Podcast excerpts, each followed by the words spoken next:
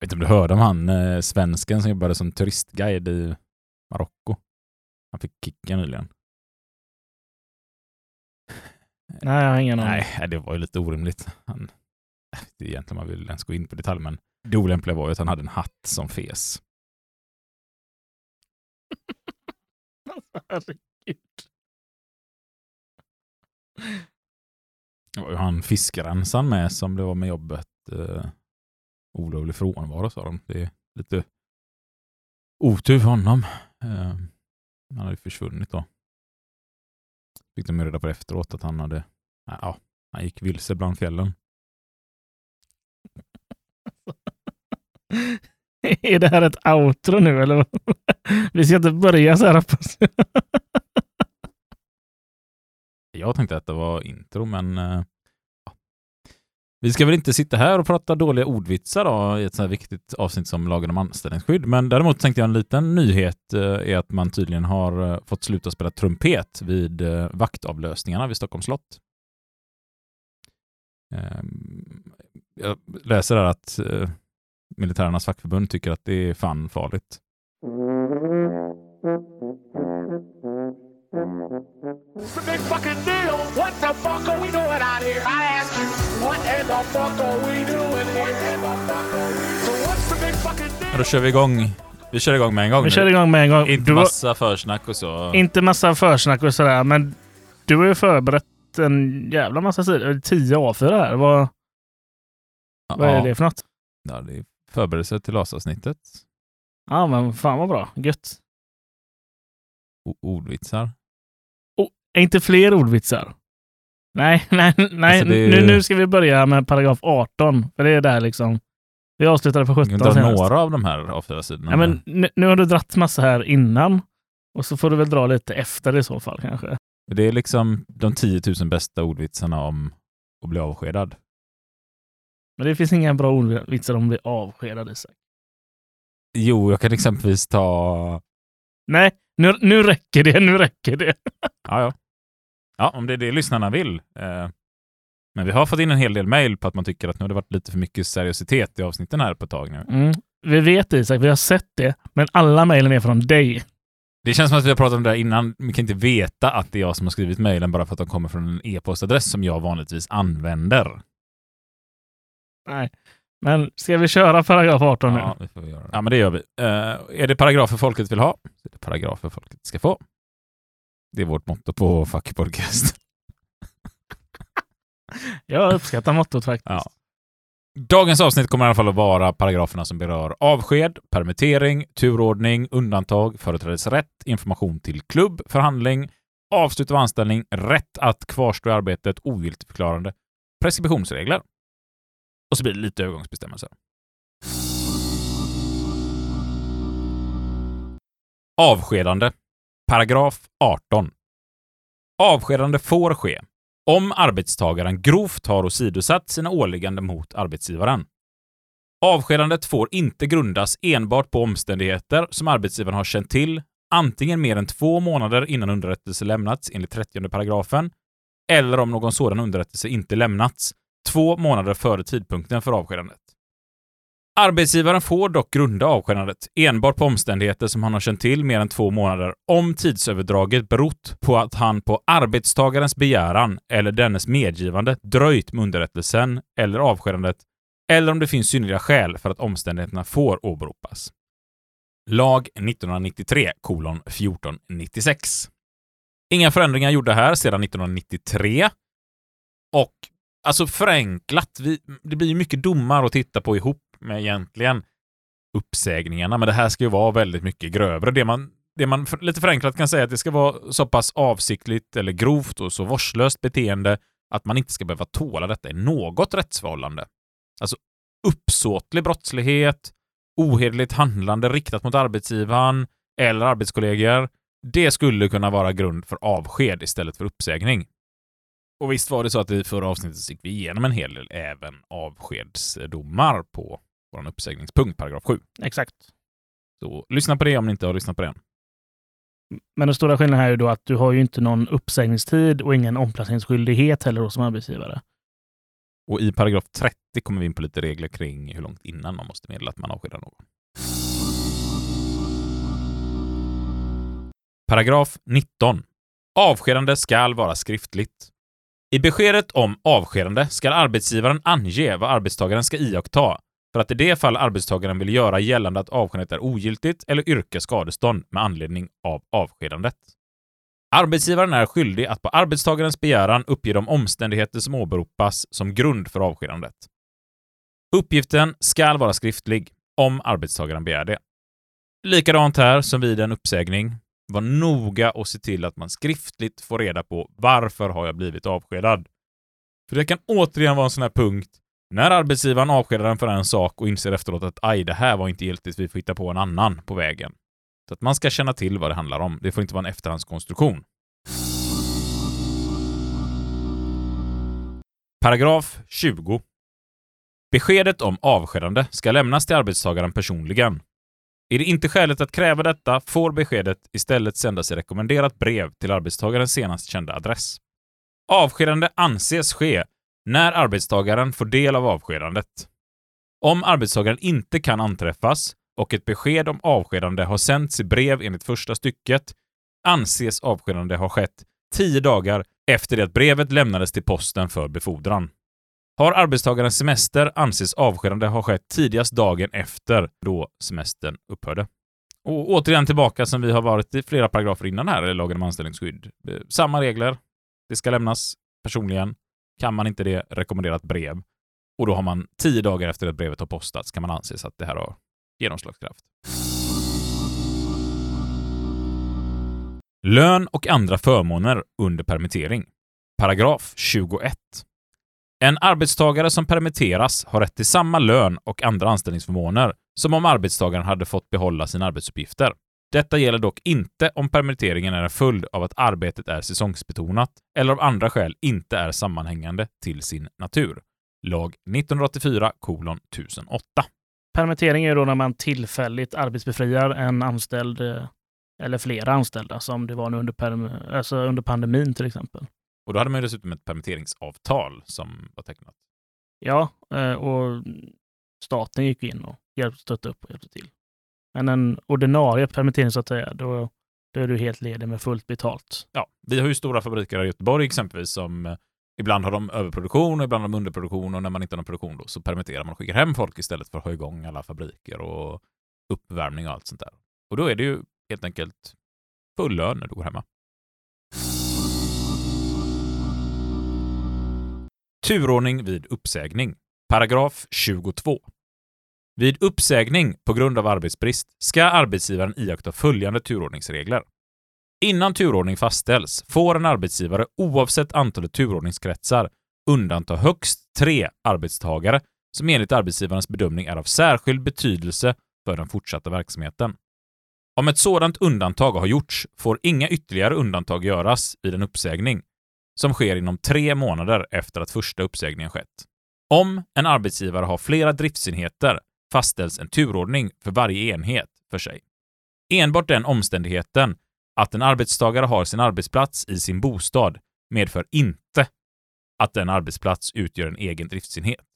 Om arbetsgivaren är eller brukar vara bunden av kollektivavtal fastställs en särskild turordning för varje avtalsområde. Finns det ett sådant fall flera driftsenheter på samma ort ska det inom en arbetstagarorganisationens avtalsområde fastställas en gemensam turordning för samtliga enheter på orten. Om organisationen begär det senast vid förhandlingar enligt 29 paragrafen. Turordningen för de arbetstagare som inte undantagits bestäms med utgångspunkt i varje arbetstagares sammanlagda anställningstid hos arbetsgivaren.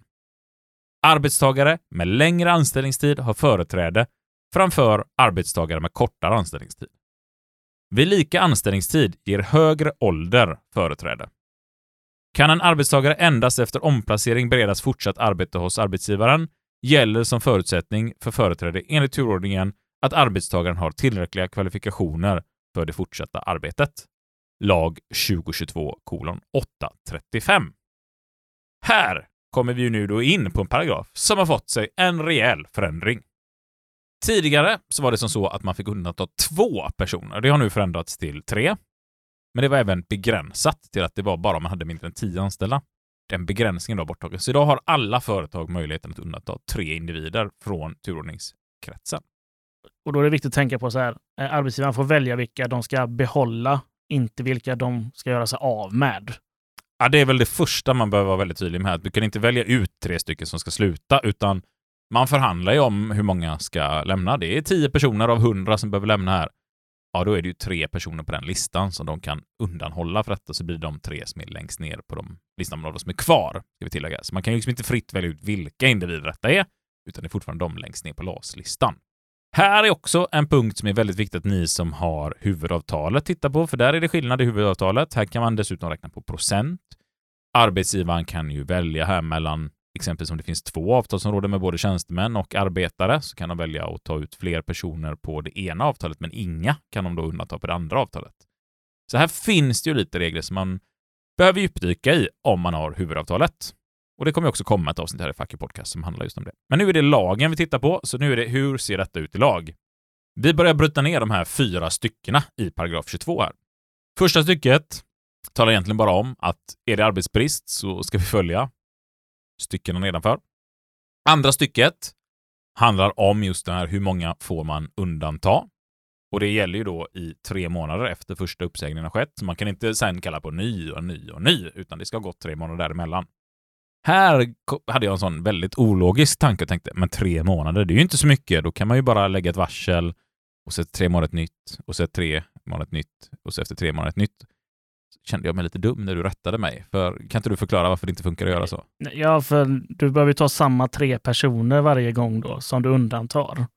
Annars så kommer, ja, då hade inte det här funkat överhuvudtaget. Nej, så att, så att i praktiken så blir det ju troligtvis samma tre personer de har velat undanta vid första som de kommer undanta vid andra, vid tredje, vid fjärde. Då hade de lika gärna kunnat ta bort hundra personer med en gång och undanta de här tre. Så det blir inte fler personer för att du varslar oftare helt enkelt. De är inte undantagna på livstid. Liksom. Nej, det är per precis, det är per varsel. Stycke tre här då, det handlar om vad man kallar för en driftsenhet. Och stycke tre talar om att man kan fastställa turordningslistor för varje driftsenhet för sig. Sen kommer det in på att är det nu att man jobbar hemifrån, då är inte det en egen driftsenhet. Man kan liksom inte ha ett kontor och säga alla jobbar hemifrån. Och sen säger man Åh, vad tråkigt det här Jim. Nu har vi ett varsel på just din driftsenhet. Hemma hos dig. Uxbo-filialen. Det var tråkigt att du var enda personen på LAS-listan trots att du är längst anställd här i bolaget. Tufft för dig du.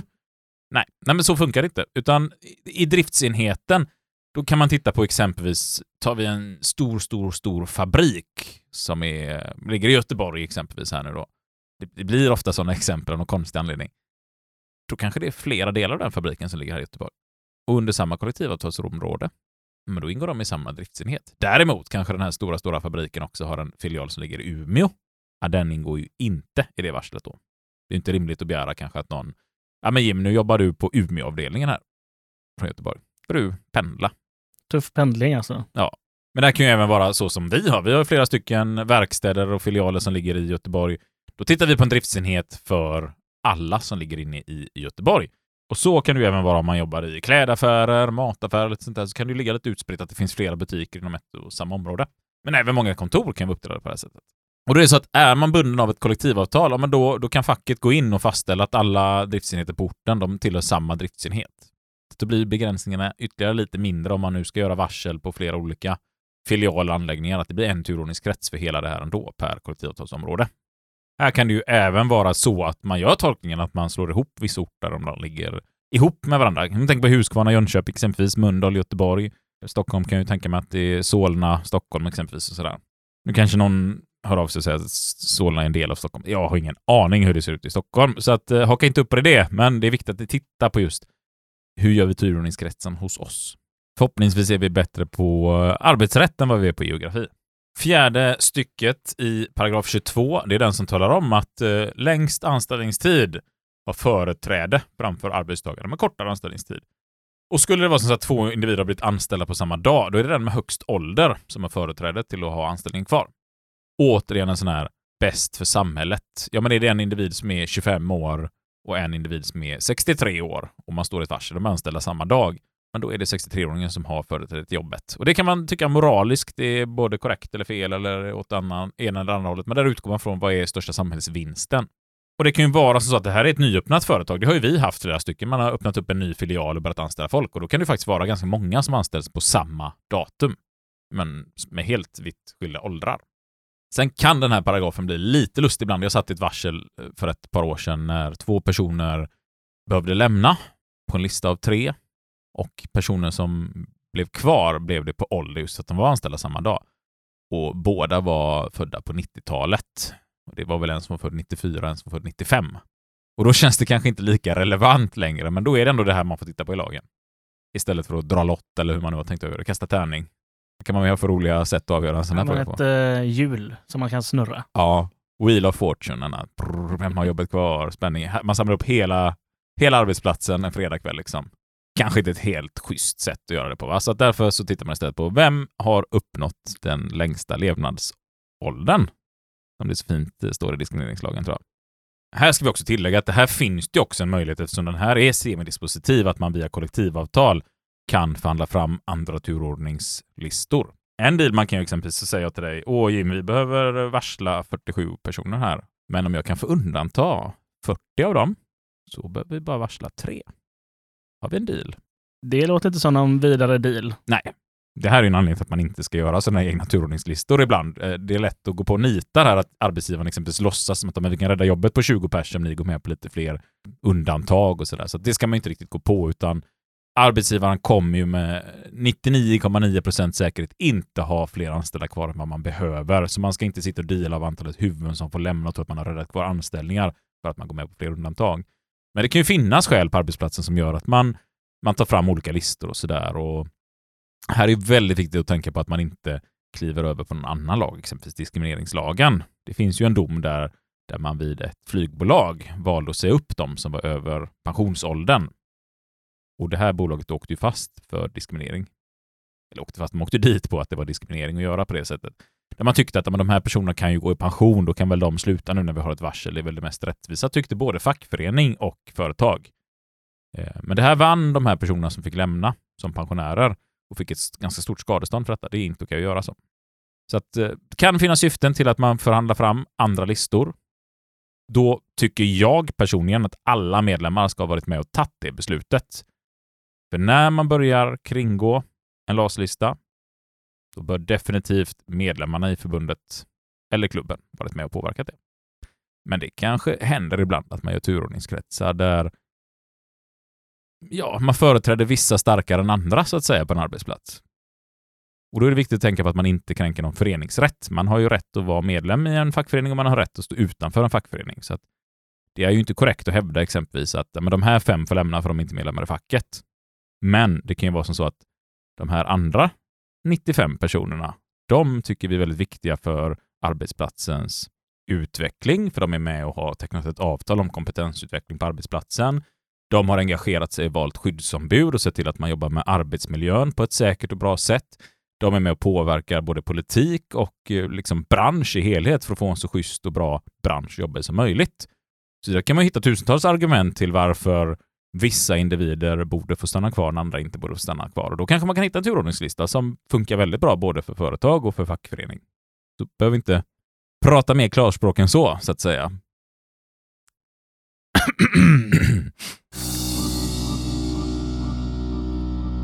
Paragraf 23. Arbetstagare som har nedsatt arbetsförmåga och som på grund därav har berett särskild sysselsättning hos arbetsgivaren skall, om det kan ske utan allvarliga olägenheter, få företräde till fortsatt arbete oberoende av turordning. Paragraf 23 här talar ju då alltså om att har man en arbetstagare som har en nedsatt arbetsförmåga och man har fått en särskild sysselsättningsgrad hos arbetsgivaren på grund av detta, men då bör man undantas turordningsreglerna. Då återigen en sån här, det är samhällets bästa. För hamnar en sån här individ som är arbetslös så är det mycket svårare för den att få ett nytt jobb. Så det här ska man ändå titta på extra säkert för att försöka rädda den här personen vid en arbetsbrist. Tillägga att då pratar man också om permanenta eller väldigt långvariga funktionshinder exempelvis. Inte typ jag har två veckor kvar med en bruten handled här och gipsad liksom. Sen kommer jag vara helt återställd och jag är SM3 i crossfit. Det är inte de individerna vi pratar om.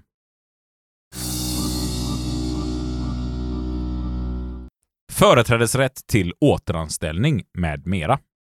Paragraf 25. Arbetstagare som har sagts upp på grund av arbetsbrist har företrädesrätt till återanställning i den verksamhet där de tidigare har varit sysselsatta. Detsamma gäller arbetstagare som har anställts för begränsad tid enligt femte paragrafen och som på grund av arbetsbrist inte har fått fortsatt anställning. En förutsättning för företrädesrätt är dock att arbetstagaren dels har tillräckliga kvalifikationer för den nya anställningen, dels har uppnått en tillräcklig anställningstid hos arbetsgivaren. Anställningstiden ska 1. Vara sammanlagt mer än 12 månader under de senaste tre åren. 2. När det gäller företrädesrätt till ny särskild visstidsanställning vara sammanlagt mer än 9 månader i sådan anställning under de senaste tre åren. Eller 3.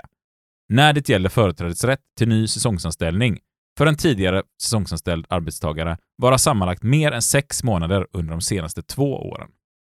Företrädesrätten gäller från den tidpunkt då uppsägningen skedde eller besked lämnades eller skulle ha lämnats enligt 15 paragrafens första stycke.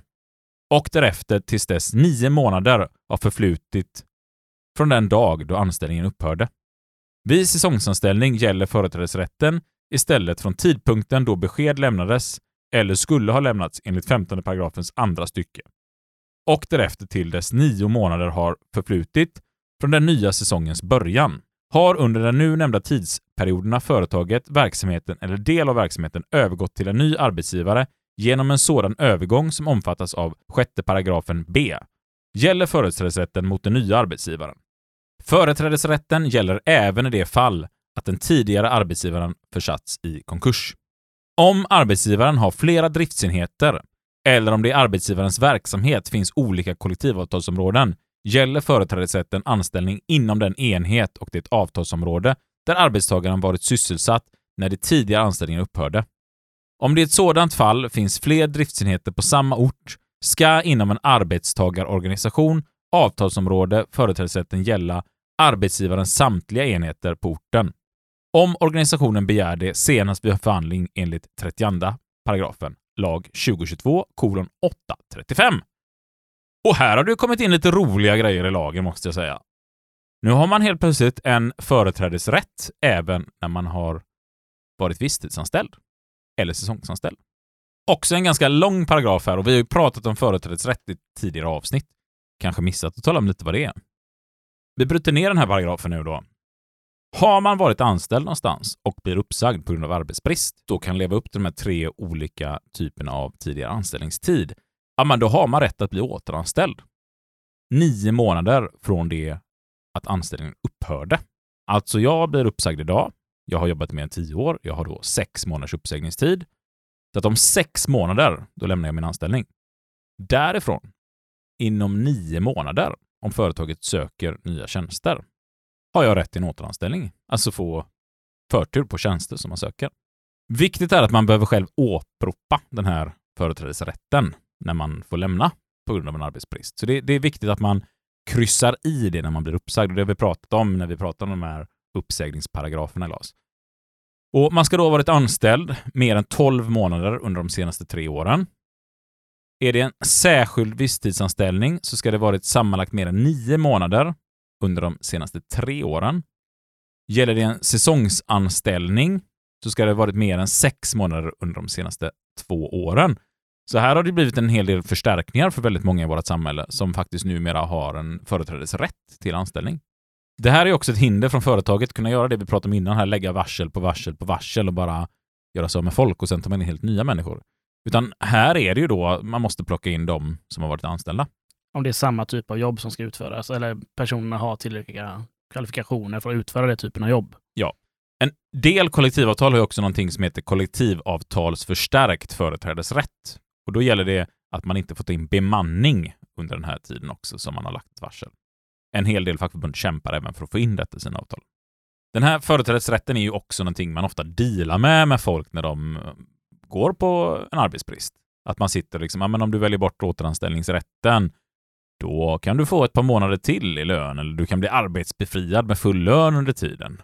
Eller du kan få vad det nu kan tänkas vara. Och det är ju upp lite till individen där. Vad tycker man? Vad är priset för mig? Liksom, vad, vad, skulle man tycka var skäligt? Om jag skulle ställa frågan till dig nu Jim, om ditt företag kommer att säga upp dig idag för arbetsbrist. Vad hade du krävt för att inte ha någon återanställningsrätt? Tre års lön. Tre årslöner. Ja. Och går de med på det då, då är ju de med på det.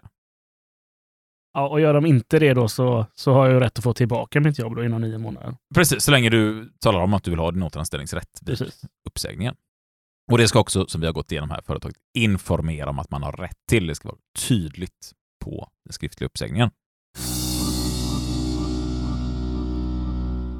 Jag tror att vi hoppade lite här från 23 till, 20, till 25 här. Det stämmer. Varför Ja. gjorde vi det, Jim? Det är ju för att paragraf 24 är upphävd, men eh, det är ju bra att berätta det för lyssnarna. Den upphävdes genom lag 1984, kolon 1008. För den vän av ordning som tycker att de där är Fucky Podcast, de håller aldrig koll på avsnittsnummer eller paragrafer och så, här. men det gör vi. Men ibland så tar bara lagstiftarna bort en paragraf. Och det gör de bara för att jävlas med er som är vän av ordning. Det är inte riktigt sant. Det är inte riktigt sant. Paragraf 25a. En deltidsanställd arbetstagare som har anmält till sin arbetsgivare att han eller hon vill ha en anställning med högre sysselsättningsgrad, dock högst heltid, har trots 25 paragrafen företrädesrätt till sådan anställning. Som förutsättning för företrädesrätten gäller att arbetsgivarens behov av arbetskraft tillgodoses genom att den deltidsanställde anställs med en högre sysselsättningsgrad och att den deltidsanställde har tillräckliga kvalifikationer för de nya arbetsuppgifterna. Om arbetsgivaren har flera driftsenheter gäller företrädesrätten anställningen inom den enhet där arbetstagaren är sysselsatt på deltid.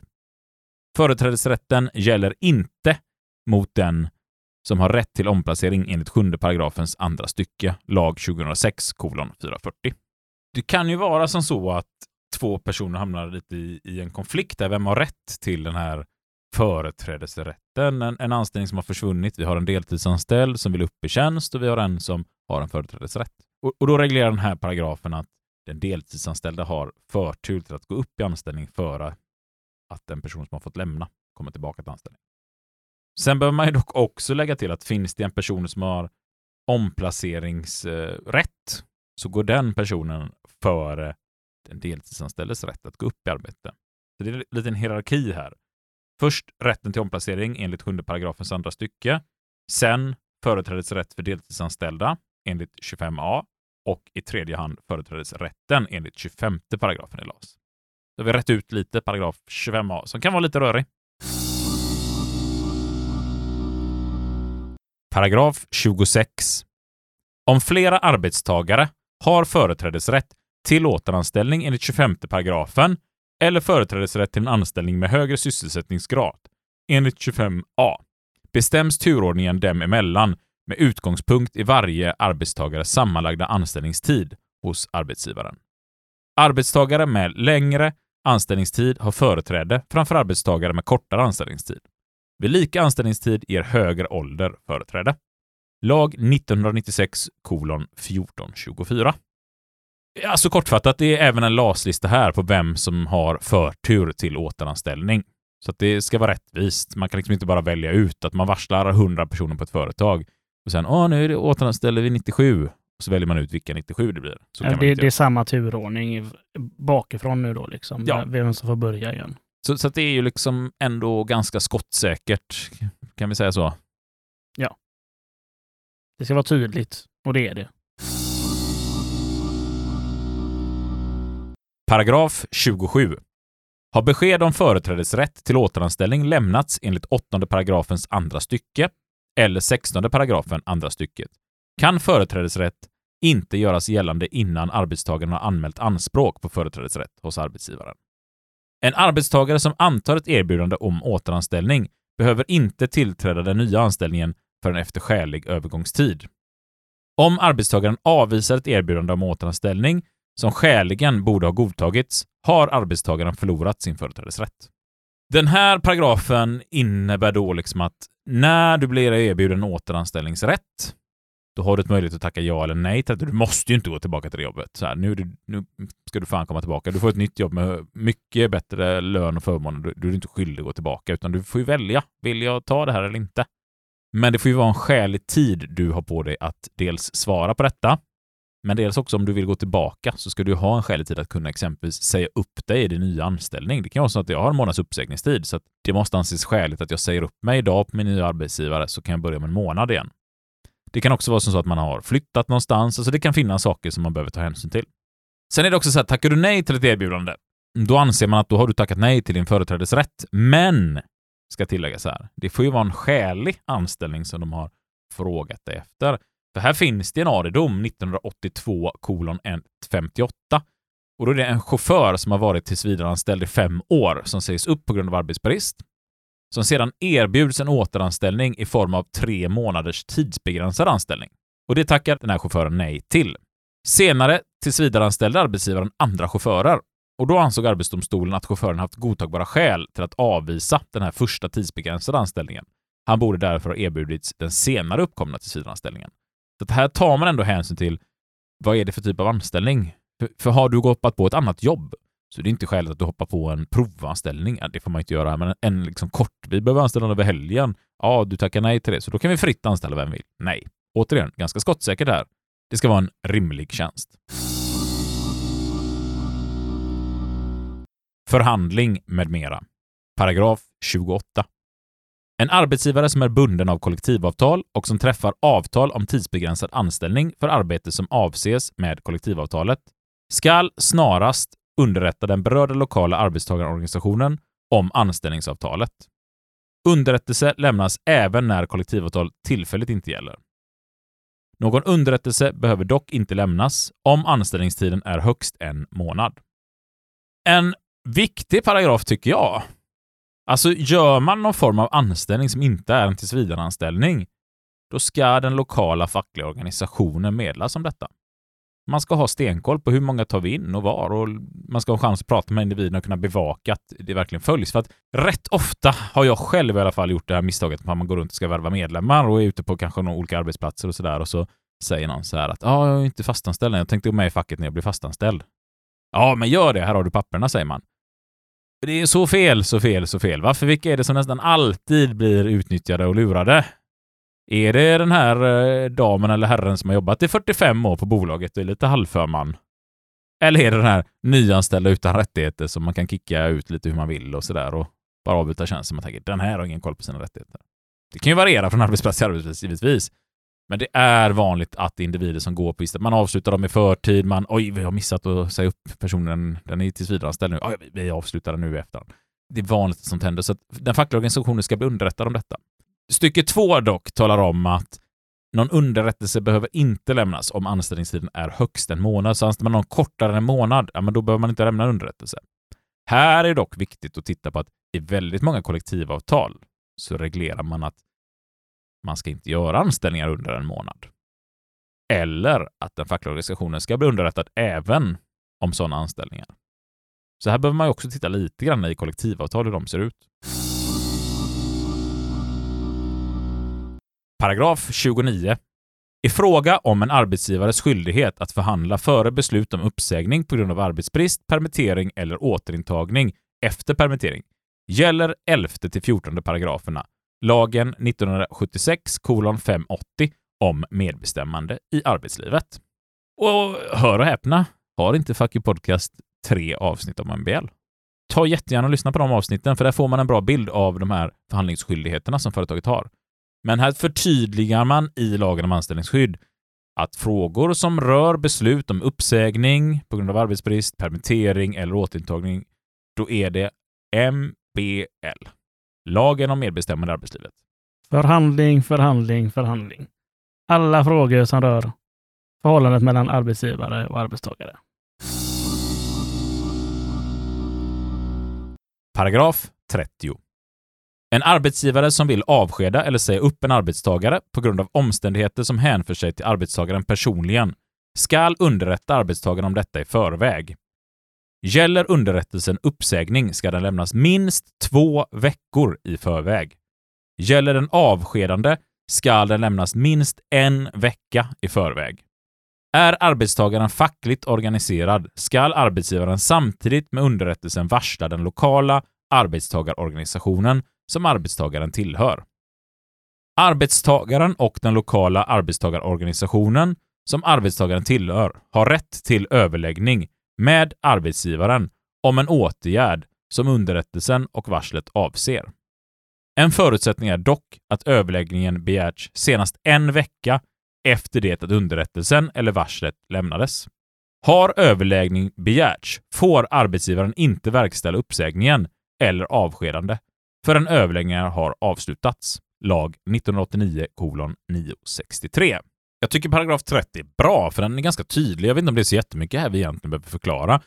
Alltså ska man avskeda någon så ska man meddela det en vecka innan. Är det en uppsägning av personliga skäl, men då är det två veckor innan. Och det här ska man också då underrätta den lokala fackliga organisationen. Här har då den lokala fackliga organisationen möjlighet att begära överläggningar. Alltså innan man ens har konstaterat att ah, vi kommer säga upp eller vi kommer avskeda. Då kan man börja förhandla detta. Så här kan ju man stoppa ett avskedande, en uppsägning, om man anser att men det här håller verkligen inte. Här kan man ju också hamna i ett läge där man faktiskt dealar om saker och ting. Det kan ju vara så att företaget känner att men vi vill verkligen inte ha kvar den här individen. Och individen själv känner att här har jag ingen lust att vara kvar. Men då behöver man inte hamna i ett läge där personen blir uppsagd eller avskedad, utan man kan faktiskt sätta sig ner och förhandla. Okej, okay, kan vi göra ett avslut? Kan vi skriva ett avtal på något sätt som gör att båda parter är nöjda och lämnar härifrån på en win-win situation?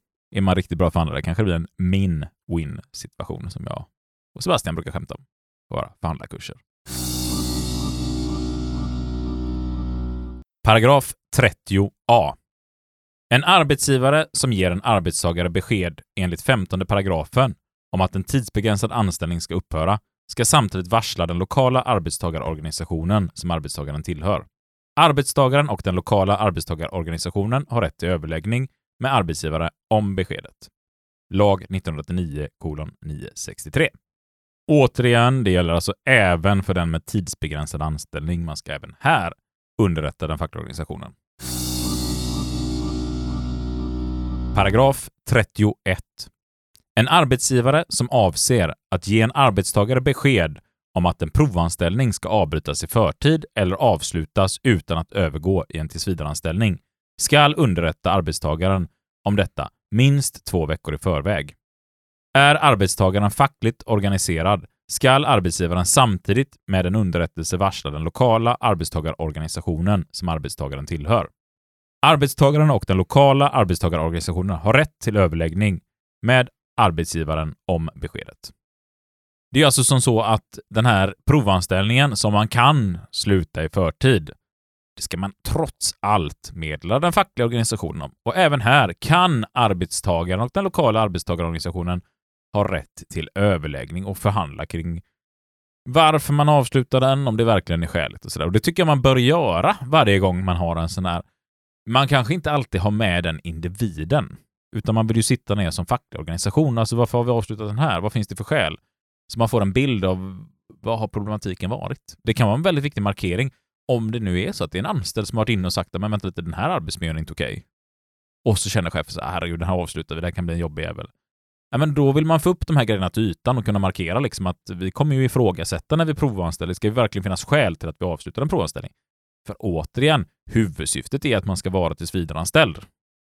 Provanställning ska man ju bara göra i undantagsfall. Så sätt er ner, få reda på varför avslutar vi detta. I större företag kan det också vara så att fackklubben känner till att det finns lediga platser på andra ställen. För det kan ju vara så att chefen bara Nej, men vi trodde det skulle finnas utrymme för att anställa en person. Vi upptäcker nu att det gör inte det, därför avslutar den här provanställningen. Då kanske ni vet att, ja men vänta lite, vi vet ju på att den andra filialen här borta, eller den andra butiken här borta, där söker de just nu. Kan vi inte flytta personen dit då? Jo, men det gör vi. Så är det återigen en win-win situation. Paragraf 32. En arbetsgivare som avser att anställa en arbetstagare när någon annan har företrädesrätt till återanställning i verksamheten eller i företrädesrätt till en anställning med högre sysselsättningsgrad ska först förhandla med den berörda arbetstagarorganisationen på det sätt som anges i 11-14 paragraferna lagen om medbestämmande i arbetslivet. Detsamma gäller när fråga uppkommer av vem av flera företrädesberättigade som ska få återanställning eller en anställning med högre sysselsättningsgrad. Lag 1996 1124. Ja, men här är det återigen det här förhandling, förhandling, förhandling, va? MBL, MBL. Alltså du kan inte kringgå återanställningsrätten utan att förhandla på något sätt. Eller det behöver regleras och det behöver förhandlas då. Och är det nu flera stycken just det här vi pratade om innan, att det är någon som vill upp i tid, det är någon som har återanställningsrätt, men då ska man sätta sig ner och förhandla med facket så att alla vet att ja, men det gått rätt till. Också ett tips för arbetsgivaren att då känner ju alla parter sen också att ja men fan, det här är schysst, det har gått rätt till. De kallade min fackliga organisation, man har suttit ner och tittat på det tillsammans och konstaterat ihop att det här har gått rätt till. Det gör ju att alla känner sig trygga och ofta får ett mycket starkare förtroende till arbetsgivaren också. Så det är ju verkligen ett tips för er eh, företagare som lyssnar på podden och chefer att alltså, använd det här för att folk känner ju då att men bra, mina behov har blivit tillgodosedda, jag vet att det har gått rätt till. blir en helt annan känsla hos alla inblandade individer. Även för den som får återanställning då, att det inte blir ett snack efteråt bland kollegor att aha, nu fick han jobbet fast den andra borde upp i tid. Ja, det är orättvist. Denna. Ja, det är väl för att de gillar den personen med. Då slipper man allt sånt där. Nej, men då vet man att ja, det har gått rätt till, alla har kollat på det. Så kan det finnas irritation på att lagen ser ut som den gör, men då får vi återigen påverka våra politiker. Eller ännu bättre, själva bli politiker. Rätt att kvarstå i anställning till 68 år upphör att gälla. Ny rubrik. Rätt att kvarstå i anställning till 69 år. 32A. Här händer det grejer. Och det kommer det säkert fortsätta att göra. Man är ju och flyttar lite på pensionsåldrar och sådär. Och nu kommer vi in på en del paragrafer här som alla reglerar åldern i arbetet. Mitt förslag här är att vi inte läser igenom varenda paragraf som har upphört att gälla och de nya, så utan att vi, vi läser upp paragraferna och lite förklarar vad de handlar om, för att det är inte så noga. Vi vet att åldern på pensionsåldern ökar. Och huvudsyftet med de här paragraferna som kommer nu är rätten att kvarstå i anställning efter den högre pensionsåldern. Och här är det ju viktigt att man, att man får ju faktiskt mer rättigheter, eller vi får längre rättigheter helt enkelt. Sen kanske vi tycker det är synd att man höjer pensionsåldern, men fortfarande positivt att du fortfarande har dina rättigheter kvar till 69 nu då istället. Som du, ja, det har varit 60 sju tidigare. Ja, för det blir ju konstigt om man säger att nej, men du får inte gå i pension förrän du är 68, men vid 65 så har företaget rätt att se upp dig. Det blir ett tufft läge, så det är viktigt att lagen om anställningsskydd är med och tryggar upp anställningstiden för de som blir äldre. Sen kan man, som du säger, diskutera den här pensionsfrågan fram och tillbaka. Och jag tycker svenska modellen är jävligt bra på det sättet. Jag tycker att vi ska höja pensionsåldrarna. Men jag tycker också att de kollektivavtal där individer arbetar som sliter ut sin kropp i förtid eller har tyngre jobb som många arbetaryrken, de ska ha deltidspension i sina avtal eller tidigare pensionsavgångar i sina avtal. För det tror jag är ett effektivt sätt att, att driva landet på. Att har du arbetat ett helt yrkesliv i ett yrke där du kan jobba till 75, ja men helt okej, okay. gör det. Men för de som inte klarar av det så måste man kunna gå tidigare i pension. Men det kan vi väl spara till ett pensionsavsnitt så kan vi ha 55 minuter debatt om det. Det är säkert jättemånga upprörda på att jag har sagt det här också. Men jag tycker det är en del av svenska modellen. Definitivt. 32a. En arbetstagare har rätt att kvarstå i anställning till utgången av den månad då han eller hon fyller 68 år. Om inte något annat följer av denna lag. Lag 2019 kolon 528. Och nu läser du då den gamla paragrafen här Isak, för i den nya står det ju 69. Den här upphörde att gälla 2023 01 Precis. Nu låter den istället så här. En arbetstagare har rätt att kvarstå i anställning till utgången av den månad då han eller hon fyller 69 år, om inte något annat följer av denna lag. Lag 2019 kolon 529. Så här får man ju förändring och det kommer komma en hel del sådana paragrafer. Så nu är det ju 69 år. Lyssnar man på den här podden om ett par år, då kanske det är som så att det är 70 år där istället. Ja, men här är också tydligt att det här beslutet togs 2019 då och inte nu i den här överenskommelsen egentligen. Det är en äldre överenskommelse. Och du kan alltså då inte bli tvingad i pension innan det du har fyllt 69 år. Eller utgången av den månaden till och med. Så man kan ju ha några dagar extra. Jag fyller år den 5 december exempelvis. Så jag får ju vara kvar till årsskiftet. Wow! Ooh. Om man nu vill jobba till 69, vilket jag hoppas att jag inte ska behöva göra. Så inte jag kommer klara det. Tidigare har vi haft andra sådana här eh, lagar som har talat om att man kan avsluta en kvinnas anställning är ett år efter man har gift sig. Två efter två, jag ett år. inte det här. Det är gamla lagar. Vi har pratat om det i något avsnitt. Mm. Sebbe pratade om det. Ja, det var jag som hade en sån med. Du som Jag hade ett sånt. Jag har det pappret liggande sen någonstans, ett gammalt Ja. uppsägningspapper där på en kvinna som blir uppsagd för hon har gift sig. Man gör ju om lite grejer i lagen här och här skyddar man ju istället då för att tala om att de här kan du se upp. Paragraf 33. Vid uppsägning av en arbetstagare som har fyllt 69 år ska följande bestämmelser inte tillämpas. 1. Sjunde paragrafen om sakliga skäl för uppsägning. 2. Åttonde paragrafen andra stycket om innehållet i ett uppsägningsbesked. 3. Nionde paragrafen om skyldighet för arbetsgivaren att uppge grunden för uppsägning och 4. 34 paragrafen om ogiltigförklaring av uppsägning, lag 2022 kolon 836.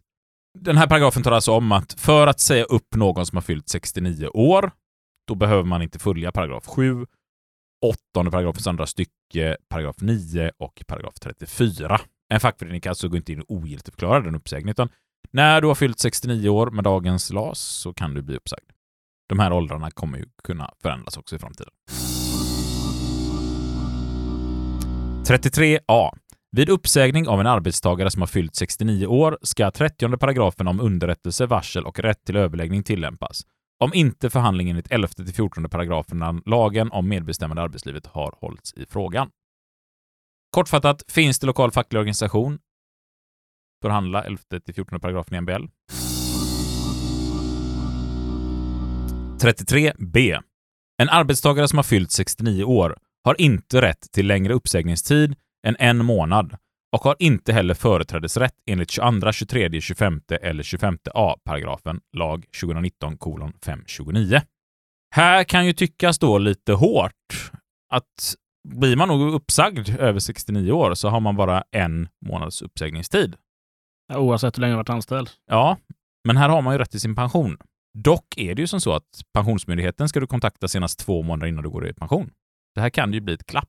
Så här är det ju viktigt att förhandlingarna går rätt till och att man sitter ner med företaget och ser över liksom personens utgång, kanske försöker förhandla till den här extra månaden så att personen verkligen hinner få sin pension till hemgång. Kanske är vanligt att de här individerna också har semester, komp och liknande som de kan plocka ut. Men det är ju ingenting man kan utgå från att det alltid finns. 33c. Vid avskedande av en arbetstagare som har fyllt 69 år tillämpas inte bestämmelsen i 35 paragrafen om ogiltigförklaring. I den situationen behöver ett besked enligt 19 paragrafen andra stycket inte innehålla information om vad arbetstagaren ska iaktta om arbetstagaren vill göra gällandet avskedandet ogiltigt. Lag 2019 529.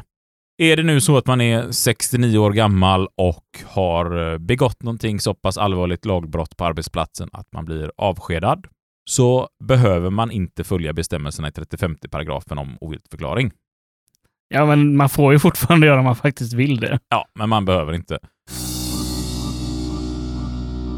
33D.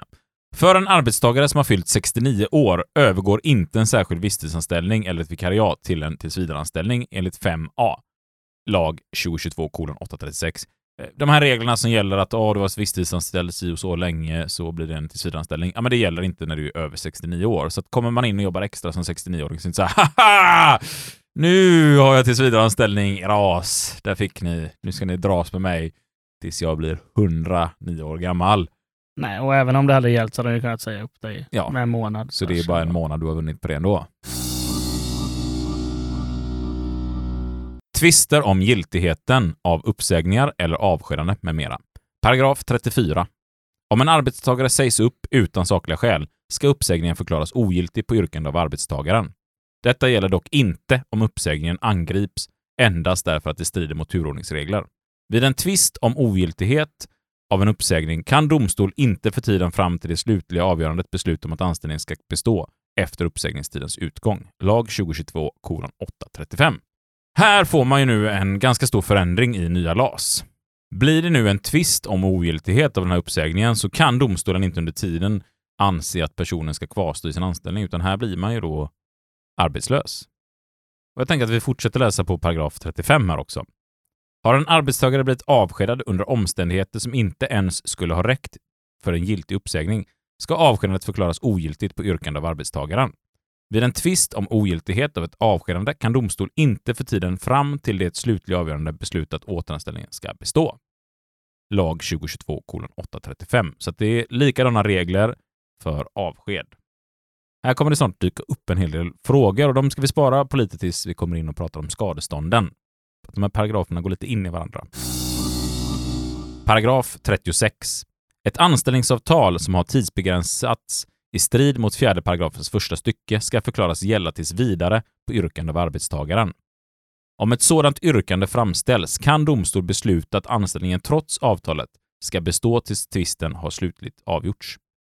Arbetstagaren har rätt till lön och andra förmåner enligt 12 till 14 paragraferna så länge anställningen består. Första och andra stycket tillämpas inte för vikariat om grunden för arbetstagarens yrkande bara är att arbetsgivarens syfte med anställningen varit att kringgå arbetstagarens rätt enligt tredje paragrafens andra stycke, lag 2022 835.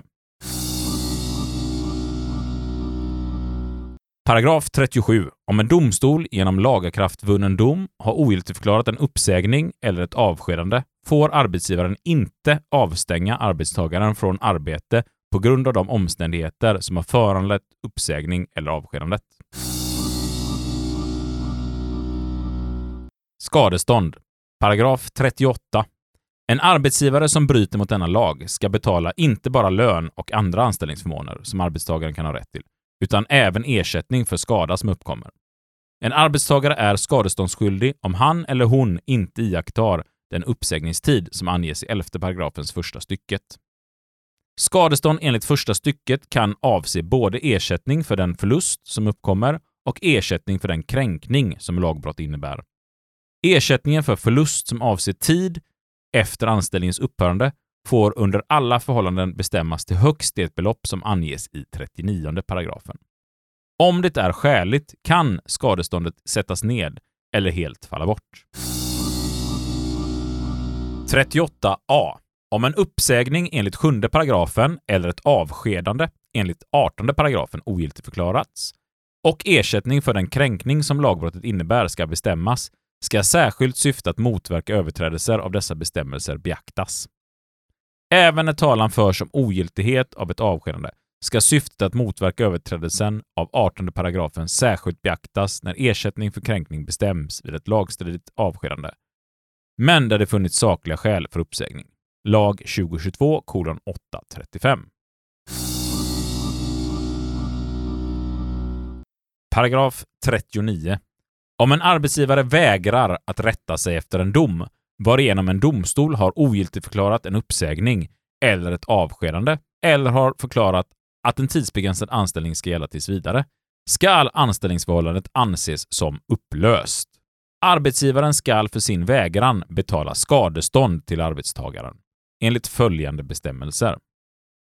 Skadeståndet beräknas med utgångspunkt i arbetstagarens sammanlagda anställningstid hos arbetsgivaren när anställningsförhållandet upplöses och bestäms till ett belopp motsvarande 16 månadslöner vid mindre än 5 års anställningstid, 24 månadslöner vid minst 5 men mindre än 10 års anställningstid, 32 månadslöner vid minst 10 års anställningstid. Skadeståndet får dock inte bestämmas så att beloppet beräknas efter flera månadslöner än som motsvarar antalet påbörjade anställningsmånader hos arbetsgivaren. Har arbetstagaren varit anställd mindre än sex månader ska beloppet likväl motsvara sex månadslöner. Lag 2007 kolon 389. En hel drös av eh, paragrafer har vi gått igenom här nu som alla handlar om ja, men vad händer vid en felaktig uppsägning, felaktig avsked. Och kortfattat, tidigare talade paragraf 34 om att man hade rätt till lön under en uppsägningstid om den blev ogiltigförklarad av facket och man skulle arbeta under tiden. Och, och, man kan säga så här, det hade varit bra och dåligt i olika typer av sammanhang. Jättebra när man eh, går in någonstans på ett företag och talar om att eh, ni ska betala lön tills den här frågan är avgjord. Och företaget säger, men personen är inte välkommen hit. Och så går du hem under tiden med full lön i väntan på att avgöra i domstol. Förlorar man i domstol då blir man ju återbetalningsskyldig givetvis. Men har ett fackförbund drivit frågan så är det ofta fackförbundet som betalar den här avgiften eftersom de har gjort bedömningen att man eh, vinner domstol. Vinner man i domstol, ja, men då är det ju full lön man får tillbaka och ett skadestånd givetvis. N numera då så har du inte rätt att kvarstå anställningen. Men det kunde ju också vara så innan att arbetsgivaren sa att ja, ja visst, men kommer du hit då? Och där var det ju väldigt många själv som kände att nej, jag vill inte driva ärendet, för jag vill inte gå in till den här arbetsgivaren och stå där och jobba varje dag med en arbetsorganisation som inte vill ha mig. Och det hände ju också, så att vissa arbetsgivare nyttjade ju den förra regeln med att pressa folk till att själva lämna. Och för vissa var det här väldigt mycket bättre att, att man kunde liksom någonstans eh, ska vi säga, tala om för en arbetsgivare att du kommer få betala lön tills det är avgjort. Kan du verkligen betala lön under så här lång tid eller ska vi förhandla kring det här lite mer? Vilket ledde till att många köpte ut. Så det här har ju varit dels fackförbund som har drivit frågan, misstänker jag, lite kanske hårdare än vad man borde ibland, för man vet att en liten arbetsgivare kanske inte har möjligheten att betala lön under så lång tid, utan då säger de inte upp individen istället. Men också medlemmar som har tyckt att det här är inte är jättekul att behöva gå till en arbetsplats där alla vill få ut mig. Så att, svårt att säga än om det här har blivit en förbättring eller en försämring. Men numera blir man ju arbetslös och går på en särskild a-kassa tills dess att frågan är avgjord.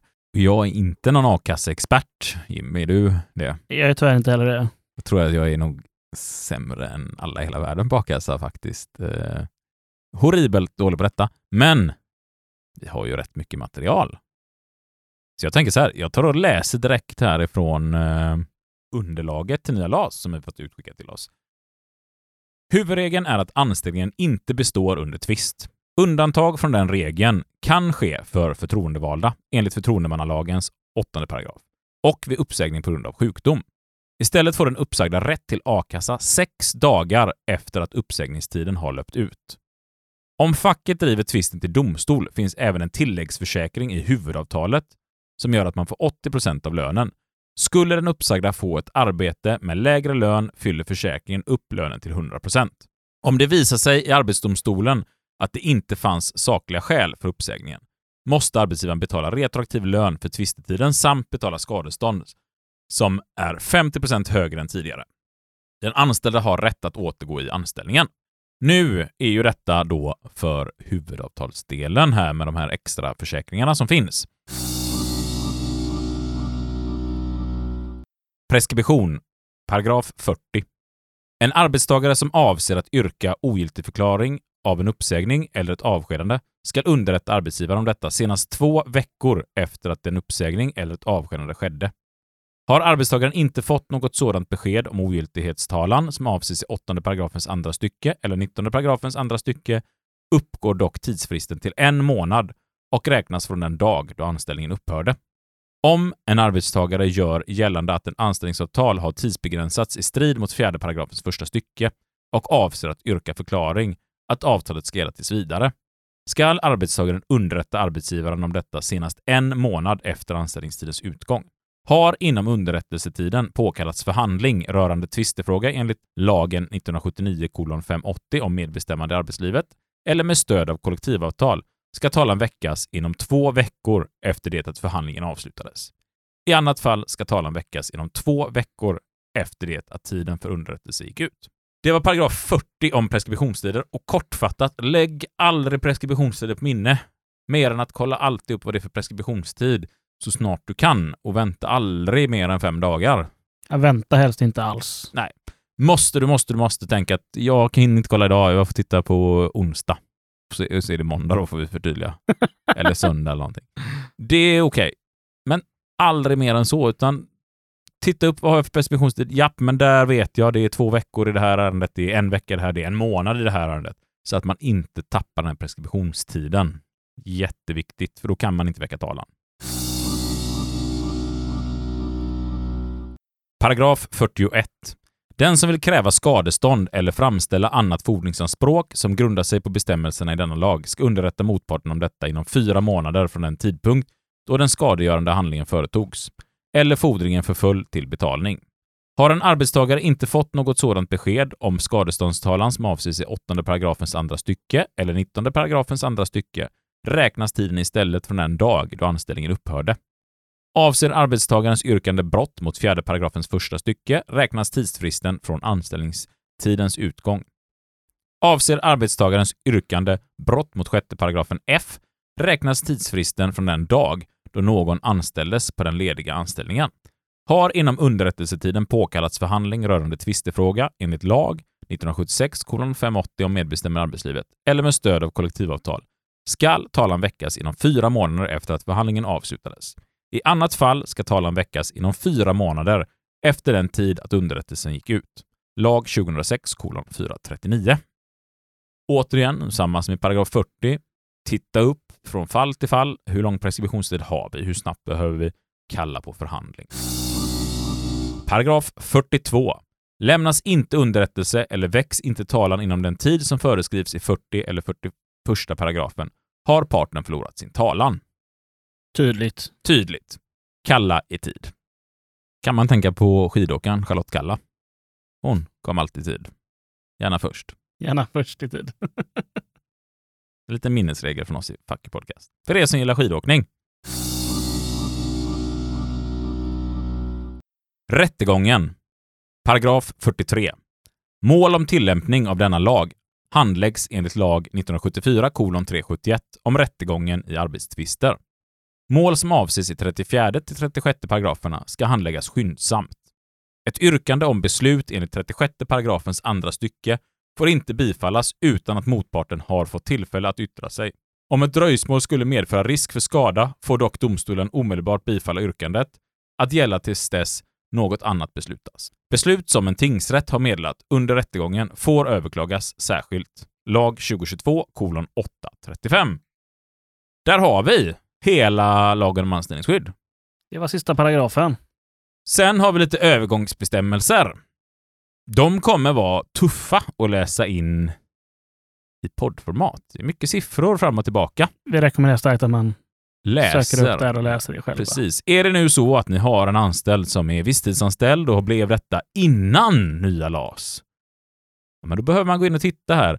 Lag 2022 835 om ändring i lagen, 1982 80 om anställningsskydd. Övergångsbestämmelser och det hittar man i slutet av lagen. Och Då kan man gå in och se när lagen trädde i kraft, när lagen började tillämpas för första gången, vilka nya bestämmelser som börjar gälla och för de olika paragraferna då, när börjar de gälla? Beroende på när har det, vilken tid har det skett, eh, vilken paragraftext ska man gå efter, den nya eller den gamla? Det finner ni i övergångsreglerna. Om inte annat så tycker jag ju att eh, prata med era fackliga organisationer när man har eh, svåra case. Prata med olika fackliga organisationer, titta på hur driver ni frågan, hur har vi drivit frågan, hur har vi tänkt? Tror att vi ibland är lite för dåliga på att snegla på varandra. Det här avsnittet är över en timme långt.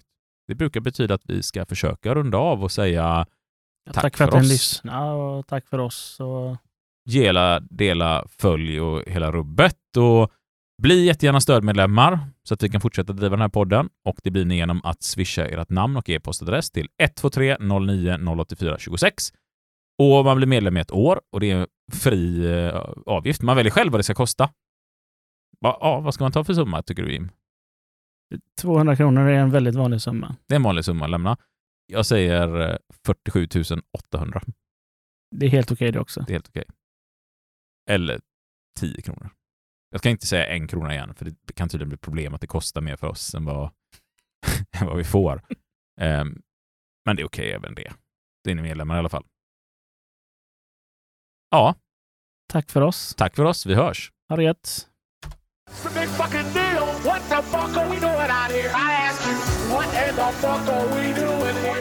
Lite halvtråkigt avsluta Jim, måste jag säga. Vad vill du ha med mer då? Mm, ja, det vet jag faktiskt inte. Du hade ju dina 10 A4 skämt, men de Ja, du menar att vi ska kunna ta dem sa jag att du fick ta på slutet i så fall. Ja, Men jag tycker inte vi ska ta 10 A4 skämt. Det vill jag vara tydlig med ändå. i så fall... Eh, då, då har jag faktiskt inga. Fast det är klart, det finns ju den här med lokalvårdaren som fick sparken på grund av hur han åkte till jobbet. Ja, men hur åkte han till jobbet? Han tog moppen. Bättre än jag förväntade mig faktiskt. Eller så är jag tröttare än vad jag borde vara.